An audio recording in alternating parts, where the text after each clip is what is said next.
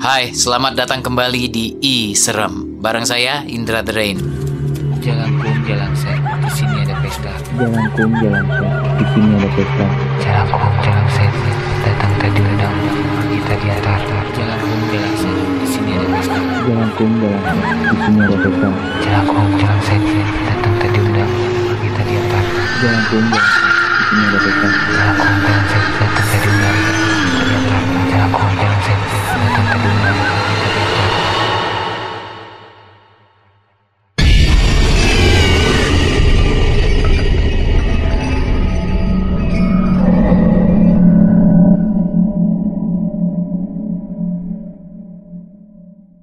Hai, selamat datang kembali di I Serem bersama saya Indra The Rain. Sebelum kita mulai, kalau kamu punya cerita serem yang mau di-share ke kita, bisa kamu kirim ke email program at iradiofm.com atau DM di Instagramnya at podcastrsj. Mungkin kamu pernah dengar tentang hantu penunggu bangunan tua atau sekolah tua, atau pernah ngalamin juga. Nah, kali ini ada cerita dari salah satu mantan taruna sekolah penerbangan tentang sosok di sekolahnya yang dikenal sebagai Taruna Merah yang sering muncul menghampiri taruna yang lain. Mau tahu cerita selengkapnya?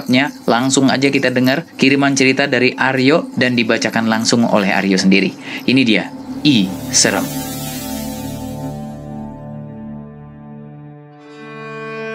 Halo, Assalamualaikum warahmatullahi wabarakatuh. Halo Kak Indra, halo juga pendengar Isram Kenalin nama gue Aryo. Gue mau cerita soal pengalaman horor yang pernah gue alamin. Waktu gue masih jadi taruna di salah satu sekolah penerbangan di Indonesia Tapi gue gak perlu nyebutin lah nama instansinya apa Oke langsung aja kita mulai Sebelumnya perlu diketahui dulu bahwa di sekolah itu tuh nggak setiap tahunnya ada angkatan baru atau ada siswa baru. Jadi waktu angkatan gua masuk ada gap satu tahun ke angkatan sebelumnya dan begitu pun ke angkatan di bawah gua ada gap satu tahun. Jadi ada momen di mana angkatan gua adalah satu-satunya angkatan yang belajar di sekolah itu. Karena ke atas udah lulus dan ke bawah belum ada lagi siswa yang baru masuk.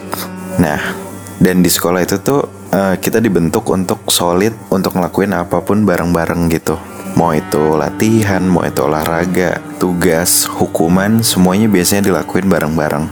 Dan karena jadi satu-satunya angkatan, jadi di tahun itu tuh rasanya uh, ya sedikit aja siswanya. Karena ngelakuin apa-apanya bareng-bareng, jadi nggak ada siswa lain lagi. Terkesan sepi, ya sebetulnya sih rame juga. Dan sebetulnya angkatan gue itu salah satu angkatan yang siswanya cukup banyak. Makanya angkatan gue juga ditaruh di salah satu gedung barak. Sebut aja barak 2. Gedung ini sebenarnya bukan barak utama, tapi karena di barak utama itu bangunannya nggak mencukupi untuk ditinggali sama semua angkatan gue, akhirnya khusus untuk angkatan gue ditaruh di barak 2 yang gedungnya punya uh, ruangan yang banyak untuk nampung semua siswanya tapi gedungnya juga gedung udah lama sebenarnya. Nah, selama jadi taruna, ada salah satu kegiatan uh, lari pagi dan lari malam yang itu biasanya rutin. Dan kalau lagi ngelakuin kegiatan itu tuh biasanya serempak satu angkatan. Kalau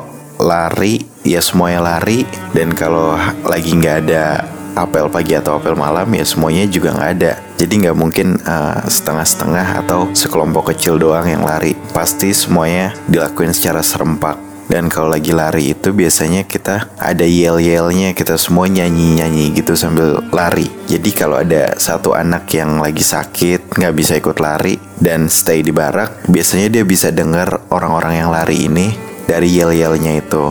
Oke, kejadian yang gue pernah alamin itu, jadi suatu waktu malam-malam, hari itu nggak ada apel malam. Gue lupa alasannya kenapa, jadi pokoknya hari itu satu angkatan nggak diadain apel malam, nggak ada lari-lari, jadi semuanya istirahat aja. Nah, waktu lagi istirahat, udah tinggal tidur sih sebenarnya udah cukup malam juga. Ada salah satu teman gue yang minta temenin ke toilet, namanya Yuda. Yuda ini teman sekamar gue di barak. Nah toiletnya itu posisinya emang lumayan jauh sih. Dan kalau malam barak dua itu serem banget. Nggak serem sih sebenarnya sepi aja. Cuma saking sepinya kalau emang orangnya penakut ya gampang banget jadi takut gitu. Ya udah akhirnya gue nemenin Yuda ke toilet. Itu lumayan jauh karena kita harus um, keluar dari lorong-lorong dulu. Lorong kamar maksudnya. Baru ketemu toiletnya di sana. Toiletnya itu sebenarnya kecil ya, cuma ada dua bilik doang. ada sih toilet yang lebih gede tapi agak jauh lagi. Jadi kita mutusin untuk ke toilet yang kecil aja. Nah, begitu sampai di toilet itu, Yuda langsung masuk kan. Nah, gue tunggu di depan. Nah, lagi nunggu sendirian gitu, terus lama-lama jadi mulus juga. Ya udah deh sekalian gue masuk aja. Pas gue cek dan ternyata emang toiletnya kosong. Jadi yang satu dipakai Yuda, yang satu gue isi. Nah, begitu gue lagi buang air besar, tiba-tiba Yuda udah selesai duluan kan. Dan dia bilang ke gue, "Yuk, gue duluan ya. Gue tunggu di depan. Jangan lama-lama loh." Kata dia gitu. Ya udah, gue bilang, "Iya, tunggu aja." Bentar lagi selesai. Nah, nggak lama Yuda keluar, gue denger bilik sebelah yang bekas dipakai Yuda, pintunya ketutup dan gak lama kerannya nyala, kebuka. Berarti ada orang dong. Uh, dan harusnya bukan Yuda karena kan dia baru keluar. Gak lama setelah keran itu nyala, tiba-tiba Yuda masuk lagi dan dia gedor-gedor pintu gue. Yuk, yuk buruan yuk, yuk buruan yuk, kita balik ke barak.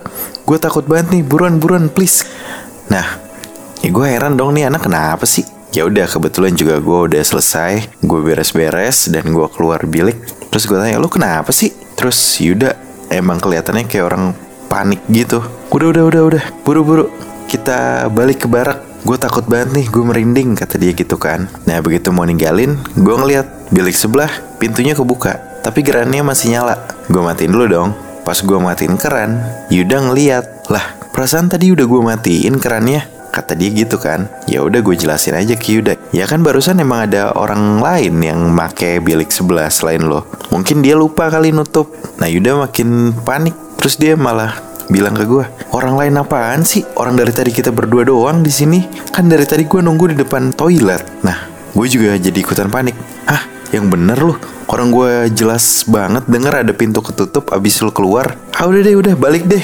Kayak nggak beres nih kata Yuda gitu kan. Ya udah akhirnya gue juga sambil merinding balik dari toilet buru-buru langsung ke barak. Sampainya di barak, gue nanya lagi ke Yuda. Yud, lu serius nggak ada orang masuk ke toilet? Kok bisa ya kerannya nyala sendiri gitu? Yuda malah balikin ke gue. Jangankan keran, Tadi tuh tau nggak kenapa alasan gue masuk ke dalam bilik toilet kata dia gitu. Gue tanya kan kenapa? Terus dia bilang, gue dengar suara Taruna lagi lari yuk. Gue denger mereka juga nyanyi yel-yel. Gue jadi makin merinding. Karena malam itu emang gak ada apel malam kan Jadi harusnya gak ada Taruna yang lari-lari Apalagi sambil yel-yel Gue tanya lagi, lu serius denger Yud? Mungkin lu salah denger kali Enggak yuk, gue denger jelas banget Gue denger jelas banget Wah dari situ ya udah makin merinding Ada yang gak beres nih. Malam itu kita ketakutan berdua tuh. Karena logikanya malam itu nggak ada apel dan harusnya nggak ada taruna yang lari. Kalaupun ada yang lari waktu nggak ada apel itu biasanya karena dihukum. Dan kalau dihukum itu biasanya satu angkatan juga ikutan dihukum. Tapi ternyata nggak ada angkatan lain yang lari. Jadi ya itu entah apalah. Kita sih percayanya itu ya emang lagi iseng aja kali ya Nah selepas kejadian malam itu semuanya aman-aman aja sebenarnya sampai gue denger lagi cerita horor tapi bukan gue yang ngalamin sendiri melainkan ini beredar di kalangan taruna sih. Ceritanya jadi gini, suatu hari angkatan kita ada apel besar gitu dan beberapa hari setelah apelnya selesai muncul desas-desus tentang Taruna Merah gue pribadi juga belum pernah denger apa sih Taruna Merah selama gue belajar di situ sampai detik itu gue nggak pernah tahu tentang Taruna Merah. Nah, singkat cerita, beberapa hari waktu apel besar ada kejadian yang dialamin sama salah satu ketua regu. Jadi, kalau apel besar itu ketua regu biasanya ngamanin semua anggota kelompoknya. Dia harus mastiin semua anggota kelompok itu keluar dari barak, baru dia jadi orang terakhir yang keluar dari barak setelah semua anggota kelompoknya. Nah, ada satu kejadian ketua regu yang ngaku dia udah ngitung semua anggota kelompoknya dan udah mastiin anggota kelompoknya itu keluar. Cuma masih ada satu anggota kelompok yang ketinggalan di dalam barak. Dan waktu dia keluar, akhirnya dia nanya kan ke ketua regu itu, kok ditinggal bukannya tungguin dulu gitu kan? Nah terus ketua gue bilang, tadi gue udah ngitung kok, udah sesuai gitu. Cuma emang gue nggak merhatiin mukanya. Dari situ ketua regu ini uh, bilang soal kejadian itu kan karena cukup aneh dan sampailah ke kuping pembina. Nah setelah sampai ke kuping pembina, pembinanya ngasih penjelasan. Oh ya itu mungkin Taruna Merah kali. Jadi nanya nih Taruna Merah tuh sebenarnya apa sih? Nah, gue juga mau jelasin nih. Jadi sebenarnya di barak 2 tempat angkatan gue tinggal itu ada satu kamar yang dikosongin dari awal kita masuk dan itu nggak pernah dikasih tahu kenapa alasannya, kenapa dikosongin dan untuk apanya kita juga nggak tahu. Baru dikasih tahu saat pembina ini dengar isu tentang ketua regu yang salah hitung. Dan pembina ini bilang sebenarnya nggak heran sih kalau ada kejadian-kejadian kayak gitu. Karena di sebelum-sebelumnya juga pernah kejadian dan dia juga jadi cerita. Kenapa alasan ada satu kamar di barak dua yang sengaja dikosongin dari awal angkatan gue masuk di situ. Dia bilang, ternyata pernah ada satu taruna yang mati gantung diri di situ. Dan itu merupakan taruna angkatan lama banget. Dan konon katanya, arwah si taruna ini sering banget datang di setiap barak-barak atau di setiap kamar-kamar dan di setiap tempat di sekolah ini deh. Karena udah banyak banget cerita dari angkatan-angkatan sebelumnya yang aku katanya mereka didatengin sama si Taruna ini. Dan macem-macem kejadiannya. Ada yang cuma ngeliat doang. Ada yang mereka juga dengar kayak ada orang lari sambil nyanyi-nyanyi gitu. Tengah malam persis kayak yang Yuda alamin. Dan ada juga yang kayak gitu salah hitung setiap mau apel besar. Itu katanya si taruna itu suka ikutan nyelip di antara taruna-taruna yang siap-siap mau baris untuk apel besar. Makanya pembinanya juga nggak heran waktu ada ketua regu yang lapor kalau dia salah hitung gitu. Karena mungkin yang dihitung oleh si ketua regu saat itu adalah si taruna merah yang ada di antara barisan taruna yang lain.